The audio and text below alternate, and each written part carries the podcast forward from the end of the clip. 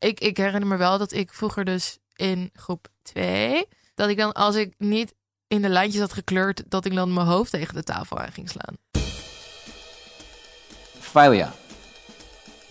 Fail early, fail often, fail forward. Hoi allemaal, ik ben Nick. En ik ben Jumaan en dit is Falen. En in Falen zoeken we uit wat falen vandaag de dag precies betekent, omdat iedereen faalt, maar niemand erover praat. Dus wat is falen nou eigenlijk en hoe gaan we ermee om? Elke aflevering bespreken we een ander gebied van falen. We nodigen gasten uit die onfeilbaar lijken. En we interviewen psychologen, sociologen en filosofen. En als ultieme ervaringsdeskundige delen we natuurlijk ook onze eigen inzichten. Vandaag interviewen we een presentatrice, journaliste en zangeres die na de BNN-VARA Academy doorbrak als tafeldame bij De Wereld Draait Door en programma's presenteerde zoals Het Ramadan Journaal en Na het Nieuws. En ze heeft ook nog eens net haar eerste boek uitgebracht. Die heet 36 vragen en heel veel koffie. En ze is een bijna even grote Harry Potter geek als ik. Fact. Bijna. Hier is Samia Afsawi. Hallo! Hallo! Wat leuk dat je er bent. Hi, hi, hi, hi, hi, hi. Echt heel fijn dat je er bent. Hoe, hoe gaat het met je? Ja, eh, gaat goed. Naar eh, in acht nemende de status van de wereld. Ja. En in acht nemende de status van onze favoriete franchise. Geschreven door niemand minder dan Shakira. Oh, ja, dat, dat is nu. Ja, ja, ja. Oh Eh, god. gaat, het, gaat het prima. Oké. Ja, Het gaat gelukkig. prima. Nou, omstandigheden goed. Ja, Ja. naar omstandigheden goed. Vind ik altijd een mooie. Ja? Ja, Ja, toch? Heel eerlijk, naar omstandigheden goed. Ja. ja. Zeker. En hoe was je ochtend vandaag? Nou, ehm, over falen gesproken. Ik zit nu in een hele rare, interessante stoel af en toe. Omdat ik nu steeds vaker vanuit mijn hoedanigheid als media-academicus werk. Oh ja. Want ik ben gewoon afgestudeerd universitair. eh, ik heb gewoon een bachelor in media. ja. Waardoor ik dingen niet alleen heel praktisch doe, dus als als presentator of schrijver of, of, of scenarist, maar ook heel erg vanuit mijn stoel als analyticus. Dus wat gebeurt hier eigenlijk? Waarom gebeuren er bepaalde dingen? Mhm. En de vraag naar mensen die op een onderlegde manier eigenlijk kunnen uitleggen wat betekent inclusie of equity of diversiteit nou eigenlijk en waarom is dat wel en niet belangrijk? Wat is, wat is semiotiek, beeldvorming en dat soort dingen? En daar word ik nu veel vaker voor gevraagd en daar kan ik nu veel vaker in vrijheid over spreken als ik dus iemand krijg die een heel raar mailtje naar mij stuurt of een heel raar berichtje of wat dan ook. En mensen staan nu veel meer open voor die feedback van hey, wat je nu eigenlijk doet kan niet. En eh, dus mijn ochtend was weer gevuld met een hele rij aan mailtjes die daarover gaan. Oh ja. En daar word ik best moe van. Ja. Ja, snap ik. In de zin van mijn hemel, eigenlijk wil ik gewoon ehm, dat niet hebben als zijtak van mijn werk, maar over falen gesproken. Als ik dat niet doe, dus als ik niet mensen aanspreek, dan heb ik het gevoel dat ik die biculturele gemeenschap faal. Ja. In de zin van, als ik er nu niks van zeg, dan doe jij dat weer bij de volgende en de volgende en de volgende. En om dat gelijk heel concreet te maken, ik had een keynote gegeven van een uur, gratis. Over racisme en discriminatie, inclusie en equity. En dat doe ik in principe niet. Maar deze partij was gevuld met zoveel machtige mensen. Hmm. En ik wist dat ze al heel veel mensen van kleur op het matje hadden geroepen met deel even je ervaring. Dat ik van oké, dan ben ik de laatste die jullie niet betalen. Ja. Oh ja. Ja. Dus ik had die keynote gegeven en op een gegeven moment had ik gezegd: en wat jullie nu, wat jullie nu doen, is een voorbeeld van dat racisme en discriminatie die jullie niet willen doen met al jullie goede bedoelingen. Het kan niet zo zijn Omdat dat ze jij verwachten dat jij gratis... gratis maar ja. vanuit een bepaalde expertise, vanuit een bepaalde ervaringsdeskundigheid, vanuit ik heb dit letterlijk gestudeerd. Je, het kan niet zo zijn dat wij belachelijke bedragen betalen voor andere afdelingen, voor andere eh, outsider perspectives. En dit zijn echt bedragen van, van in de 6000 euro. Ja. Maar racisme en discriminatie, dat moet iedereen er gratis bij doen. Ja. om, om, Dat om moet Sjoe maar denken- even komen met, ja, jij bent toch... eh, Ja. Nee, zo werkt het niet. Je kan niet constant verwachten dat een collega die een, bijvoorbeeld een redacteur, is ook niet jouw racisme-expert. Nee. Zo gaat dat niet. Maar ze zien dat natuurlijk als een soort ehm, filantropie, weet je wel? Als een Ja. soort van eh, iets, weet je wel? Dat is een idealisme, dienstje. maatschappelijk ding. De dus wereld daar verbeteren. kan je toch geen geld voor vragen? Dat is Nee. dan toch, eh, waarom zou dat de markt, eh maar het is gewoon letterlijk, jullie doen iets fout. En jullie hebben iemand van buitenaf nodig om te vertellen hoe fout dat is. en waarom jullie dat moeten oplossen. Maar inderdaad, omdat het vanuit een gevoel komt van eh, wereld Ja. verbeteren. Maar dat is het niet. Het is gewoon journalistiek ethisch gezien. Gebeurt er iets dat weergeloos negatieve consequenties heeft voor mensen in hun dagelijks leven. Ja. En dat moet je nu gewoon gaan oplossen. En daar moet je geld voor neerleggen, zoals altijd. Bij Ja. mensen van wie je vraagt om een baan te doen. Ja. Maar goed, eh, dat dus. En dat, dat vind ik fijn dat ik dat kan doen. En ik vind het fijn dat ik daardoor andere mensen die één op één gesprekken kan besparen. Van hoe raar is het dat jouw leidinggevende je in een hokje duwt en zegt: hey, hey, hey, hey, ervaar je eigenlijk racisme op de werkvloer? Nou, dan gaan er zoveel dingen door je heen. Word je Ja. ontslagen als ik eerlijk ben? Ja. Wat voor gevolgen heeft dit? En ook, dus jullie zien mij inderdaad als anders Ja. als potentieel slachtoffer. Als, als lastbak die misschien zijn mond opentrekt. En eh, ja, dit, eh, een interessante tijd waarin we leven. En dan nog corona. Ja. ja. Als we het even hebben over falen, hangt dat voor jou eigenlijk altijd samen met wat je voor, voor de anderen kan doen? En, als voor je dat- mezelf. Of meer Ja. voor jezelf? Of Allebei 50-50. Oh ja. allebei? En dat is dus dat boomerang effect met het komt ook automatisch bij mij terug. Ja. Ik kan nooit, of in ieder geval, en daar, Zoom, daar, daar tikte je net al een beetje op aan, dat idee dat je een representatie bent voor een grotere groep. En dat praat je ook deels een beetje jezelf aan. Ja. En deels ook niet. Ja. Want waar komt dat gevoel vandaan? Namelijk dat ik ben een van de weinige personen met een hoofddoek Mhm. eh, die mensen op een bepaald niveau systematisch op tv zien. Ja. En dan besef ik me dat alles wat ik zeg mensen voor zoete koek aannemen. Hm. Als ik zeg, zo gaat dat in de islam, dan denken mensen, ja, Sammy heeft het gezegd, joep, Dan zal het wel kloppen. dan zal het wel kloppen. Ja. Ja. Een collega van mij, die ik doe nooit visagie. En een, een, een vriendin van mij, die, die krijgt in één keer een visagiste die ook eerder mij heeft gezien.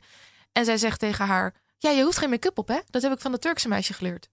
Oh. Terwijl ik heb nog nooit gezegd dat geen enkele moslim nou met hoofddoek make-up draagt. Ik heb gewoon gezegd, ik wil dat liever niet. Ja. Ja. En toch nemen me, maar ook dus vanuit een positieve intentie in de zin van, dat heb ik geleerd. Dat Ja. weet ik nu. Ja. Dat jij een soort eikpunt bent. Ja. Samia zei Anderen van, dat. oh ja, Ja. dus ik dat heb het nu goed ding. gedaan, toch? Ik heb rekening met jou gehouden nu. Zo. En dat is zo aan de ene kant lief. Net zoals de opmerking, wat is je Nederlands goed? Hè? Is een compliment op papier. Maar wat zeg je eigenlijk en waar is dat een voorbeeld van? Namelijk, er is zo weinig positieve representatie van meisjes met een hoofddoek. Dat dus ik, deels ook door mezelf, deels ook door de samenleving, een verantwoordelijkheid heb gekregen om heel veel dingen te ontleren bij mensen. Hmm. Ja. En mijn collega's met mij die ook een hoofddoek dragen en een publieke functie eh, invullen. En inderdaad, je kan zeggen, en dat zeg ik ook heel vaak tegen mezelf, ik kan de wereld niet oplossen. Ik Nee. kan die 50 jaar oude berg kan ik niet in één keer eh, weghalen. Voortduwen, ja. Maar wat ik ook doe, die berg is er. Ja. Ik kan er niet niet rekening mee houden, want dat is naïef. Nee. En dat is ook nu een thema in mijn werk geworden. In, in dat hele. Als ik, als ik iets verkeerd doe. Bijvoorbeeld als ik een handje schud met iemand op camera. Dan krijg ik inderdaad berichten van mensen die hebben gezegd: Je hebt ons gefaald. Oh. Jij hebt het slechte voorbeeld gegeven. Wat, wat doen die berichten met je? Vind je dat dan moeilijk? Ik vind het naar in de zin van. Mijn, mijn, mijn persoonlijke keuzes moet ik, blijf, moet ik kunnen blijven Ja. maken. Want er zijn ook meisjes die zeggen: Oh, wat is het fijn dat je op tv bent. En er zijn meisjes die zeggen: Dat mag niet. Ja. En jongens en iedereen in het midden. Ja. Dus ik, ik kan alleen doen wat ik op dat moment het beste vind. Ja. En ik ben zo vaak van mening veranderd, net zoals heel veel mensen met mij. Weet je, morgen vind je misschien iets anders. En dat is heel mooi. Mhm. En dan heb je nog cancel culture. Ja. Dan heb je nog wie mag wel en niet falen. Ja. Wie mogen wij wel en niet vergeven? En, en, en, Heb je het gevoel dat je niet mag falen? Mm, ja, en aan de ene kant vind ik dat een positief gevoel, omdat ik dus die verantwoordelijkheid voel. Die heel veel mensen niet voelen, namelijk de beeldvorming.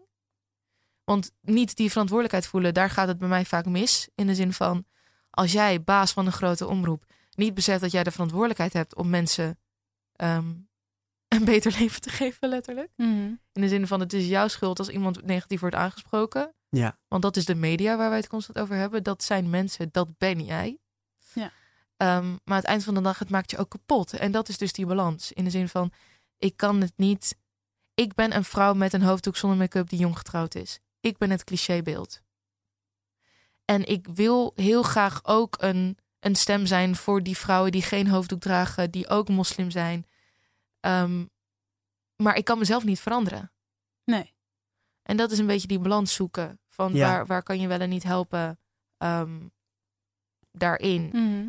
Ik ben gewoon nieuwsgierig. Want jij je bent heel ehm, begaan met de wereld en activistisch. En je voelt die verantwoordelijkheid dat Ja. je je uit moet spreken.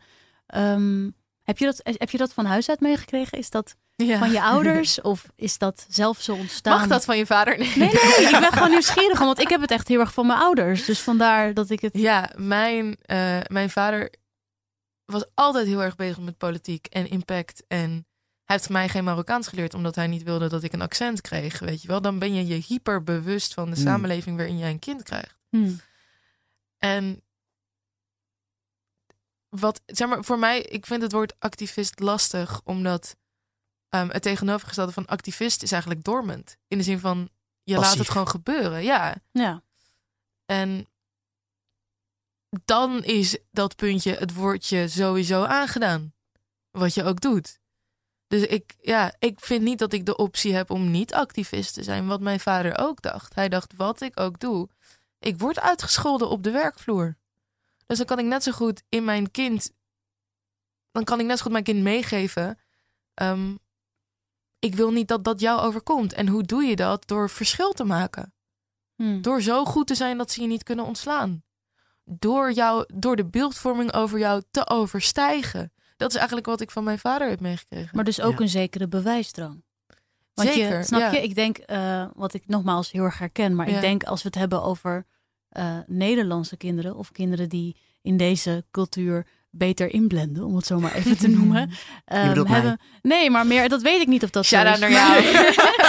ik kan me voorstellen als je niet eh, elke keer tegendeel moet bewijzen, elke dag lijkt me opnieuw. heel moeilijk. Ja, Dan- dat lijkt me echt. eh, ja, heb je misschien op een andere manier een activisme gevonden? Of een, weet je wel, een idee dat je op een andere manier een verantwoordelijkheid voor de dingen om je heen. Maar Ja. dat, komt, dat komt dus daar vandaan. Een soort. Ja, beeldvorming overstijgen. In Ja. de zin van, ehm, wees niet zo naïef dat zij die dingen die over jou gezegd worden, wees daar bewust van, erken dat, herken dat en zorg dat je daarin kan navigeren. Ja. Ja. Dus van herken die, eh, over Harry Potter gesproken. Het is alsof je in een doolhof zit. Het is, is alsof je in een doolhof zit en dan kom je bij die beker, maar dan is die beker nog meer nare dingen. ja. Van, Samja dan, refereert naar boek 4 met eh, Via Via, die Harry Potter meenam naar Voldemort, waar Cedric Diggory werd vermoord. Goed zo, Precies. Nick, thanks. Voor alle niet-Harry Potter kenners, inderdaad. Spoiler alert. Ja. En in dat opzicht kan ik ook moeilijk hard falen. Ik kan mezelf falen door mijn mentale gezondheid niet in acht te nemen. Ik kan mezelf falen door toch een verkeerde positie te nemen op die zeepdoos, weet je wel. Hm. Ehm, want uiteindelijk ben ik ook maar mens en ik ben ook opgegroeid in dat systeem dat onze Nederlandse kanon heet. Ja. Dus ik weet ook niet alles. Eh, God weet alle dingen die ik vroeger dacht, waarvan ik nu denk. Hoe kon Ah, Shame. Ja. Zo hé. Ja. Het, het, het is echt een. Ook in mijn islamitische identiteit ben ik heel vaak van mening veranderd. Eerst dacht ik muziek is slecht. Nu zit ik weer te zingen eh, in een, een film waar Zoom ook inspeelt. Ja. ja. En, en zo verandert dat de hele tijd. En inderdaad, de samenleving kan jou letterlijk een filmpje nu aanzetten en zeggen: slecht hè wat je toen dacht. Ja. En dan zeg Ja. ik: ja, ik had mezelf toen gefaald. Ah, Ja. En ehm, wat kun je meer vertellen over, heb je een, een moment in je jeugd, of bij daarbuiten, wat je allereerste faalgevoel was of aanwakkerde? Ja, ik, ik herinner me wel dat ik vroeger dus in groep 2, dan ben je iets van 5, 6, Mhm. dat ik dan als ik niet in de lijntjes had gekleurd, dat ik dan mijn hoofd tegen de tafel aan ging slaan. Wow, Ja, hard? en ik weet niet waarom. ik weet grappig. echt niet waarom. Ik weet Laat niet waarom. unpack hier. Dat Um, dat hele soort van. En ik weet nog dat mijn juf dan tegen mij zei: Samia, dat, wat doe je? Maar ik weet dus niet waar dat vandaan komt. Ik weet niet waarom ik een soort van lichamelijke reactie had op iets verkeerd doen. wow. Ja. Maar ik kan me echt oprecht niet. Dit is niet dat ik een soort van jeugdtrauma ontken. Maar ik weet het niet meer. Nee. En misschien is dat een, een traumaverwerkingsding. Ja, Ik ben getrouwd met een psycholoog, dus misschien moet ik Risk even, Even- ja, even- even bank. Maar nee, dat is de eerste herinnering die ik had bij falen. In de zin van dat ik daar een hele, een hele lichamelijke reactie Reactie. in. Ja, Ben jij, eh, zou jij jezelf een perfectionist noemen? 100 procent. Ja? Ja, en ik, ik denk dat ik nu daar een gezondere relatie mee heb dan vroeger. Oh ja. Ik besef nu dat ik de wereld niet kan redden in één boek. Ik kan niet het beste scenario ooit schrijven. Ik kan niet het beste boek. Ik kan niet. ehm, en dat is ook een beetje de, de horcrux aan auteurschap. I love deze Harry Ja, Potter inderdaad. metafoor. Eh, eh, trouwens, over Harry Potter gesproken. En over eigenlijk eh, een meer activistische rol innemen in de samenleving. Je doet het uit liefde en passie. Je doet het omdat je van Nederland houdt.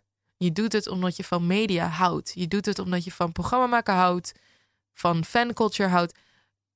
Vaak wordt het gezien omdat het, omdat het eigenlijk wonden eh, openbaren is. Wordt het gezien als iets negatiefs. Of vanuit een negatieve emotie. Ja, Maar het komt vanuit zo'n intense liefde dat je het beter wil maken. Hmm. Als jouw kind iets verkeerds doet, dan verbeter je dat omdat je wil dat je kind een beter leven leidt. Als jouw kind, ehm, als jouw kind een snoepje steelt bij de etels, dan ga je dat niet corrigeren omdat je je kind niet die negatieve emotie wil geven van je hebt nu in een verkeerde keuze gemaakt. Je doet dat omdat je je kind wil, wil behoeden van dat nog een keer doen, omdat jij ziet dat dat fout is, toch? Ja. En dat is eigenlijk ook hoe ik mijn werk zie. Ik doe het omdat ik een intense liefde heb voor Nederland en onze samenleving en over iedereen die hier woont. En dat gaat van de boer in het oosten tot en met die kekke millennial in Amsterdam. Dat is iedereen. Het is gewoon. Het kan allemaal een stuk gezelliger. Ja. En om het een stuk gezelliger te maken, moet het eerst een heel stuk minder gezellig. ja. Maar als we daar eenmaal komen, dan is dat een feestje, je wil niet weten. En, en, en dat is ehm, een intense liefde die ik ook heb gekregen vanuit huis en van mijn ouders. En, en soms gaat die liefde met een hele harde hand. Hmm. Maar uiteindelijk gaat het om liefde. Ja. Het gaat om dat ik, dat ik het gevoel had dat mijn, mijn ouders me op een bepaald punt hadden gefaald. Omdat zij dus heel erg vanuit negativiteit begonnen op te voeden. En dat ik terug moest gaan en denken: oké, maar waarom gebeurt dit dan? Vanuit negativiteit als in st- straffen als het fout gaat, maar niet complimenteren als het goed gaat. Precies. En dan Ja. denk ik: waarom gebeurt dit? Uit angst. Uit angst en uit onbegrip en uit een er gebeurt iets met jou als jij die deur uitgaat. En we hebben geen idee hoe we dat moeten stoppen voor jou. Ja. En, en dat is ook het punt waarin wij zijn gekomen in het maatschappelijke debat. En over falen. Hoe vertel je op een vriendelijke manier dat jouw landje heeft gefaald? Hoe vertel je op een vriendelijke manier dat jouw werkgever jou heeft gefaald? Ja. Ja. Wat is die eloquente woede? Ja. Hoe vertel je op een, op een positieve manier dat iets heel slecht gaat? Ja. Een keuze die elke ouder elke dag moet maken. Hoe straf je je kind zonder je kind een trauma te geven, Ja. basically. Ja. En, en ja, hoe, hoe, hoe faal je niet in het aangeven van falen? En je bent op je achttiende ben je naar Engeland gegaan, toch? Ja. Voor een jaar? Voor acht maanden. en Acht toen ben ik drie maanden naar Amerika gegaan. Ja, Wauw. Waar in Amerika? San Diego. Vet. En kun je vertellen wat je allemaal in, in Engeland en San Diego gedaan hebt? Ik ging naar Engeland omdat ik, omdat ik mijn leerlingen niet wilde falen. Ik deed de leraaropleiding Engels. En ik Mm. dacht, oh, ik ga nu lesgeven in een taal en cultuur die ik eigenlijk niet ken. Dus ik wilde daarheen. Ik wilde dat proeven, ik wilde dat voelen. Ik, wilde dat, ik, wil, ik ben ook heel perfectionistisch over mijn Engels. En ik, ik wilde dat first-hand experience, zoals ze dat zeggen. En toen ben ik daarheen verhuisd. En ik was sushi-chef. Echt? Wat vet. Ja. Wat leuk. Ja, ik, eh, ik, had, ik had. Ik zou bij de Starbucks gaan werken, omdat ik dat ook deed in Nederland. En toen had ik mijn hand heel erg verbrand. Daar heb ik nog steeds een gigantisch litteken van. Dus ik kon niet meer werken als barista. Dus zij zeiden van ja, sorry, maar je moest meteen beginnen. Dat kan nu niet. En toen vond ik een nieuwe vacature als serveerster bij een sushi-restaurant. En ze hadden kokstekort. En toen heb ik een hele snelle cursus sushi maken gekregen. Wat vet. Oh, awesome. Ehm, het spijt mij. Eh, alle sushi-liefhebbers en alle kenners van de Japanse keuken. Want zo hoort het echt niet te gaan. Ehm, maar ja, ik maakte dus hele verwesterde sushi voor mensen. Oh, zalig. Ja. En in Amerika zou ik al op een zomerkamp werken. Daar, daar doe je dan eh, een sollicitatiegesprek voor hier in Nederland via Mhm. Skype. En dan, eh, dan, ik werkte voor Girl Scouts of America. Oh, wat vet. Ja. met de cliché cookie verkopers? Of Ja, is dat iets nee, wat mij door Nee, Hollywood... Oh, nee, het zijn, Dat via die koekjes krijgen ze dus eh, genoeg geld binnen om naar dat zomerkamp te gaan. Wat vet. En het was ook elke ochtend vlag omhoog, vlag naar beneden. Als de vlag valt, moet je de vlag verbranden. Oh my god. I pledge, ja, het was Echt, I pledge allegiance, to the flag of the United States of America, America. and to the republic for which it stands, one nation under God, indivisible, with liberty and justice for all. Oh my Elke god. dag. Ja, ja. Heftig. Amerika, man.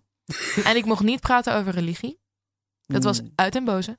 Behalve als Wat het je- christelijk was. Nee, nee, nee. Je mag geen invloed hebben op de opvoeding van die kids. Ah, oké. Dus die kids mogen eigenlijk niet leren wat hun ouders hun niet hadden willen leren, anders word je aangeklaagd. Oh, wauw. Wauw. Ja, dus er is wel een hele soort van besef van ehm, lawsuit culture. Ja, ja, ja. ja. Dat is heel hoog. En we hadden natuurlijk de, de shooting ehm, oefening. Dus wat Oh, gebeurt er nou als onder, er... Onder de desk-achtig... Ja, wat eh, gebeurt er nou als een, een, een, een Bowling for shooter... Columbine situatie. Ja. voorkomt. Ja, en ook, ook Oh. wat zijn de codes die je door de porto moet roepen. Zo, Ehm, en dat, dat is echt wel je Welcome to America moment. zo. Wauw. En het gebeurde al op Schiphol. Mensen geloofden niet dat ik in een zomerkamp eh, ging werken. Dus ik werd bij de gate werd ik tegengehouden door drie mensen die zeiden: We willen niet je visa zien, we willen niet al je papieren Nou, zien, we willen ja. nog een keer met je praten. En dan kom je dat vliegtuig in en dan denk je: Dit is het meest clichématige begin van mijn tijd in Amerika. Maar echt. Ehm, ja, en, eh, maar ik ben heel blij dat ik het heb gedaan. Ik ben heel blij dat ik die cultuur heb kunnen proeven. Want Amerika is zo groot en zo divers. Ja, Dat ik kan ook alleen maar zeggen dat ik weet hoe het is in South California. Want verder ben ik niet gegaan. Ja. dat is een referentiekader. Ehm, ja. maar Londen was... Wat een stad, wat een mensen, wat een islamitische cultuur daar. Dat is zo anders. ja. Er is geen Turkse Marokkaanse monopolie. Het is gewoon iedereen. Waardoor je een veel gezonder eh, perspectief krijgt op islam. Is goed. En dat is eigenlijk die inclusie en die diversiteit ook binnen een groep. Ehm, want hoe faal je niet je community als je al zo erg geslagen wordt? Hoe adresseer je homofobie binnen de islamitische gemeenschap Ja. als je al zo erg negatief bejegend wordt? Ja. Hoe adresseer je racisme in de queer community als je al zo erg eh, negatief bejegend wordt? Ja. Oh. Oh. Dus het, het bestaat in een soort van een loop. Hoe genees je groepen die al zo erg worden verwond? Ja. En dat was eigenlijk mijn tijd in, in Londen, waar ik dus met zoveel verschillende gemeenschappen in aanraking kwam die ik kende in Nederland. Maar waardoor, maar ik kreeg zo'n vers perspectief de hele tijd op. ja. Ik dacht Ja. dat dit islam was, maar het was gewoon Marokkaans. Ja. ik dacht dat dit zo ging, maar dat, ho- het hoeft niet. Nee, er zijn zo Mijn god, het hoeft niet. Ja. Nee. En eh, waardoor ik dus ook met mezelf in een soort van proces kwam. En in Londen heb ik toen weer mijn hoofddoek opgedaan. En, eh, Want je, je ja. schreef eerder dat je, dat je echt in Londen de islam soort van herontdekt had. Ja, zeker. Zeker. Mooi. Op een academisch niveau. Oh, ja. Dus ook, je mag vragen stellen. Je mag stukken zoeken. Je mag kritisch denken. Je mag dit, je mag dat. Ehm, we moeten ons beseffen dat de moslims die naar Nederland zijn gekomen... ehm, heel erg het islambeeld in Nederland hebben beïnvloed. Ja. Wat de, de islam heeft zo'n lange geschiedenis in Nederland. Zo lang. Ik denk dat mensen vergeten dat Moren moslims zijn. Mm. Ja. Ehm, en de manier waarop wij met dat woord omgaan, maar ook de, de decontextualisatie van zwarte mensen en islam is ook ontzettend problematisch. Dus dat in Nederland het idee is, weet je, Arabieren zijn moslim. Ja. Waardoor we dus complete zwarte gemeenschap eh, eigenlijk daaruit halen. Ja. Eh, en we, we hebben zo'n grote, prachtige Somalische, Soedanese gemeenschap in Nederland. Die compleet buitenspel wordt gezet daarin. Laat staan de islamitische geschiedenis van, van Suriname. Maar ook de islamitische geschiedenis van Nederland. Ja. Mijn favoriete meme is islam. Al 1400 jaar niks gegeven aan de wereld. dan denk ik, 1400. Cijfers. Interessant. Weet je waar cijfers vandaan I know. komen? De islamitische wereld. Know, de hele westerse wereld gebruikt eigenlijk onze tweedehandscijfers. Koffie, algebra. Ik kan doorgaan. You're welcome. Maar ook, en dat is hem ook een beetje. ehm, we moeten niet alleen maar mensen accepteren omdat zij een positieve bijdrage leveren aan de samenleving. Ja. Wij moeten iedereen accepteren. Het is niet zo dat alleen omdat Joem en ik een bepaald succes hebben bereikt, dat wij wel mogen blijven. Dat jullie de uitzondering Ja. zijn. dat mag niet. Ja. Zie je, het kan wel. Ja, ja. maar Ja. dat geldt ook voor, voor de witte man. In de zin van de cisgender, straight, white male. En nu moet ik dit heel goed verwoorden. Maar iedereen is op een bepaald niveau slachtoffer van dingen als misogynie. Van dingen als de patriarchy. Van toxic masculinity en dat soort dingen.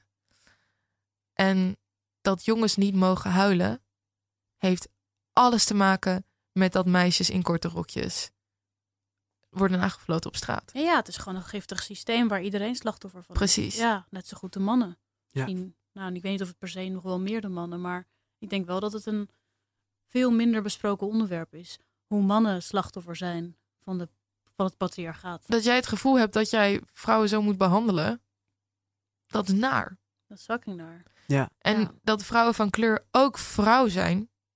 Dus als ik een gesprek heb met iemand en die tegen mij zegt: Ja, als vrouw heb ik ook af en toe dingen. Dan denk ik: Ja, ik identificeer me ook nog steeds als vrouw, hè? Ja. Het is niet omdat ik moslim ben Ja. dat ik dus Al uit je dat. vrouwelijkheid. Je kan moslim zijn en queer. Ja. Ja. Je kan zoveel dingen. Ik kan Harry Potter fan zijn en moslim. Je kan, eh, Joen kan Dungeons and Dragons, weet je, Dungeon Master zijn en actrice. Ja. Je kan zoveel dingen tegelijk. Je kan cisgender, straight, white male zijn en een ally. Ja. Je kan heel veel dingen tegelijkertijd. En dat is eigenlijk een soort van, als ik dan iemand iets kan meegeven, dan is het altijd, beeld iedereen even complex in als jezelf. Ja. Wij weten hoe gefragmenteerd onze interesses zijn. Hoe erg wij falen en opstaan. En af en toe huilen bij een slechte film. En af en toe heel hard lachen om een ongemakkelijke grap. Je kan al die dingen tegelijkertijd zijn. En als we dat ook bedenken van elkaar, dan kan iedereen een stukje lekkerder slapen vanavond. Ja. Is er, ehm, is er één faal die je koste wat het kost in de toekomst zou willen vermijden? Hm. Ja, ik denk een negatieve impact hebben op andere mensen. Hm. Dat wil ik gewoon niet, want ik weet hoe dat voelt. Ja. En dat is een val die onvermijdelijk is. Ja. En dat is zo naar. Ja. Want elke keer als ik op tv ben, huilt er iemand die vindt dat de samenleving islamitiseert. Dus in die zin faal ik die persoon. Ja, precies. Ehm, maar nee, oh, en dat is een falen waar ik dus mee moet leven. ja. Dat ik altijd, wat ik ook doe, iemand teleurstel. En eh, dat, is een, dat is een hele lange weg. Ja. Ja. Maar Samja, dankjewel voor het komen. Jullie En bedankt. Ik vond het superleuk en inspirerend. En Ja, ik ook. Ja, weer echt, ook eh, falen op een, een heel ander niveau. Of Meta. Zo. Nee, maar ik vind dat wel echt, dat hebben we nog niet eerder gehad. Dus Nee, dat is wel... nee, ik vond het echt eh, vond je een hele fijne gast. Ja, Ah, dankjewel. Dit staat niet in het script, dus weet- Nee, weet- dit nee. hebben we. Alright. Zeg, luisteraar, heb jij nou zelf een faalverhaal dat jij heel graag met ons wilt delen? Stuur hem op als tekst of als audiomessage naar falendepodcast.gmail.com. En win, wie weet wel, een anti-faalpakket. Oh my ja, god. wat zou erin zitten? We don't idee. know. We moeten nog een keer over vergaderen. Ehm, Samja is te volgen op Instagram en Twitter via Samja Hafsawi. Ook Hendrik. Anton, Ferdinand, Simon, Anton, Utrecht, Isaac. Heel goed, heel goed. Ook wij zijn te vinden op de socials. Het Falende Podcast op Twitter, Instagram of Facebook. En vond je deze podcast leuk? Stuur hem door naar al je vrienden en geef hem 5 sterren in weet ik van wat voor app jij podcasts luistert. Tot de volgende! Doei doeg!